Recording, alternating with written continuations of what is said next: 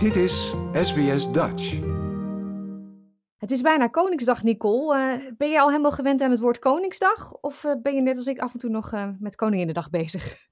Ik ben nog steeds met Koninginnedag bezig. Ik weet dat het Koningsdag is en dat is al vijf, zes lang. maar elk jaar, ik zeg nog steeds Koninginnedag. Ja. Wat voor herinneringen heb jij aan Koninginnedag van toen jij jong was? Ik weet voornamelijk nog in mijn studententijd. Ik, uh, ik, ik, woonde toen in Nijmegen. En dat was gewoon één groot feest. S ochtends vroeg tot s avonds laat. We begonnen natuurlijk al de avond uh, van tevoren. Alles was oranje. Al je eten was oranje. Je kleding was oranje. S ochtends vroeg had iedereen uh, allemaal zijn spulletjes buiten staan. Het hele land was gewoon één grote vlooienmarkt. En dat was echt zo gezellig. En dan, als je ergens ging zitten of wat ging eten of wat ging drinken, dan kreeg je altijd zo'n oranje bittertje erbij. Zo'n klein jeneverglaasje. En dat was toch wel altijd heel speciaal. Ik weet niet waarom, maar dan was het altijd net iets meer Koninginnedag dan, dan een normale Koninginnedag. Maar toen ik hier kwam wonen in Amerika, had ik natuurlijk geen oranje bitter. En toen ben ik dat zelf gaan maken. Dat is echt super gemakkelijk. Het moet drie tot vier weken staan zodat de smaken goed kunnen intrekken. Maar dan heb je ook echt iets lekkers. Zal ik je vertellen hoe het gemaakt wordt? Ja, natuurlijk. Half litertje wodka, dus het liefst een sterke drank met geen overheersende smaak. Dus ik neem meestal wodka, dat is het, het uh, meest neutrale. En dan een grote sinaasappel en een grote citroen. Even schillen en de schillen drogen. En dat is echt binnen, binnen 15, 20 minuten even gewoon op de verwarming of boven de kachel hangen. Samen met een theelepeltje anijszaad, wat suiker, een uh, sterrenijs als je dat hebt, zes cardamompods en dan een kaneelstokje. Samen stampen, in de wodka doen en dan de droge schillen erbij. En dan laat je dat drie weken trekken. Eén keer in de zoveel tijd schud je die fles een keer of twee keer. En dan na drie weken even proeven. Je mag tussendoor natuurlijk ook proeven, altijd. En dan uh, na drie weken proeven. En als het goed is, een beetje suiker erbij. Want we houden wel van zoet natuurlijk. En uh, dan is het klaar. Ja. Maar je kunt het natuurlijk zo lekker maken als je zelf wil. Dit is gewoon het basisrecept.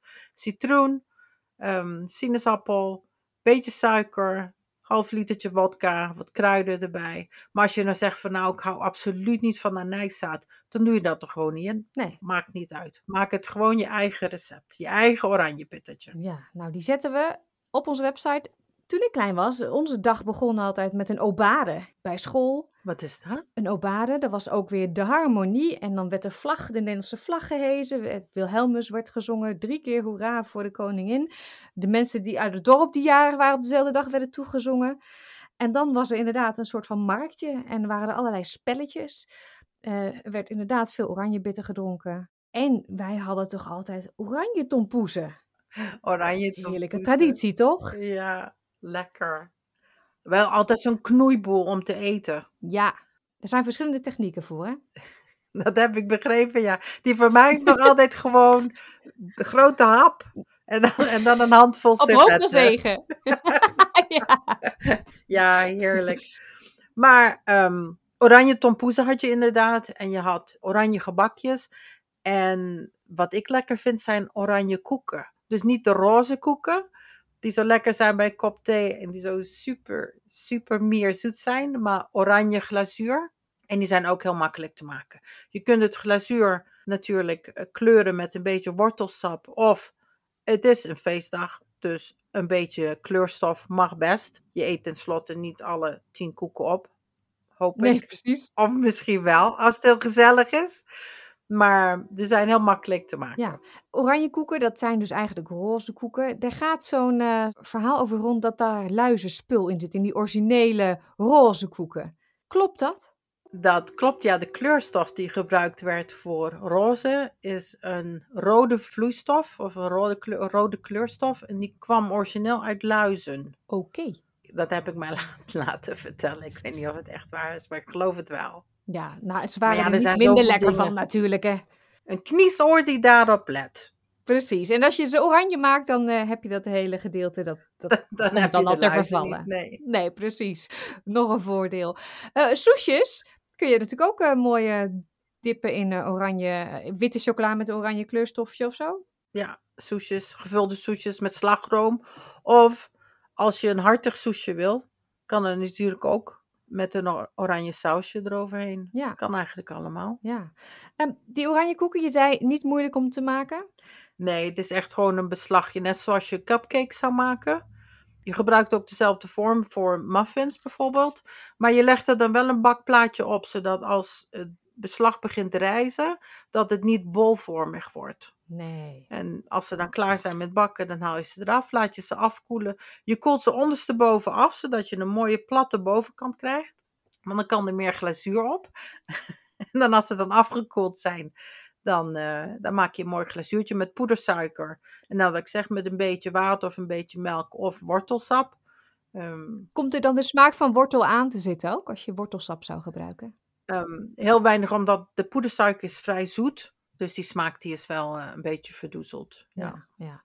ja. Um, je zegt, je zet een uh, extra baktreetje eigenlijk op die, uh, op die vorm. Als je dat niet hebt, is er dan een andere techniek? Kan je dat met, met die die korreltjes rijst of, um, of van die, die speciale steentjes die je soms in een bakvormpje legt als je platte bonen wil hebben?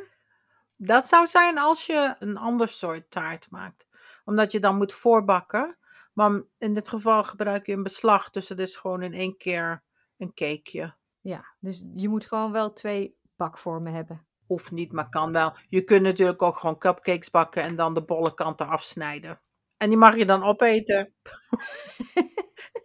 en de calorieën tellen niet in dat geval. Die waren er niet. Nee, dus precies. Dat is de voorpret, toch? Als dat, je kinderen dan bij je hebt of kleinkinderen, die staan geheid naast je van mag ik, uh, mag ik helpen? Maar dat is, daar zeg je zoiets, want dit is natuurlijk een heel leuk project om te doen met kinderen. Het beslag is makkelijk te maken. Je gebruikt gewoon een zachte boter, de suiker, dat meng je dan. Je doet de eieren erdoor. De kinderen, als ze een beetje die leeftijd zijn dat ze dat kunnen, kunnen ze dat gewoon met een pollepel goed, uh, goed doen. Je kunt ze leren hoe ze de vormpjes in moeten vetten. Ja, dat is, dat is nou een leuk project om te doen met kinderen. Ja. ja. En als je zelf een vlooienmarkt uh, gaat doen, een kleedjesmarkt gaat doen, zou je ze zelfs kunnen verkopen daar met de kinderen als je goed voorbereid bent. Ja, ja. dan wel even een mooi, een mooi kartonnen kroontje erbovenop zetten, want het is natuurlijk wel Koningsdag. Dat klopt, inderdaad. Nicole van de Dutch Table, dankjewel en tot snel. Graag gedaan. Eet smakelijk. Like, deel, geef je reactie. Volg SBS Dutch op Facebook.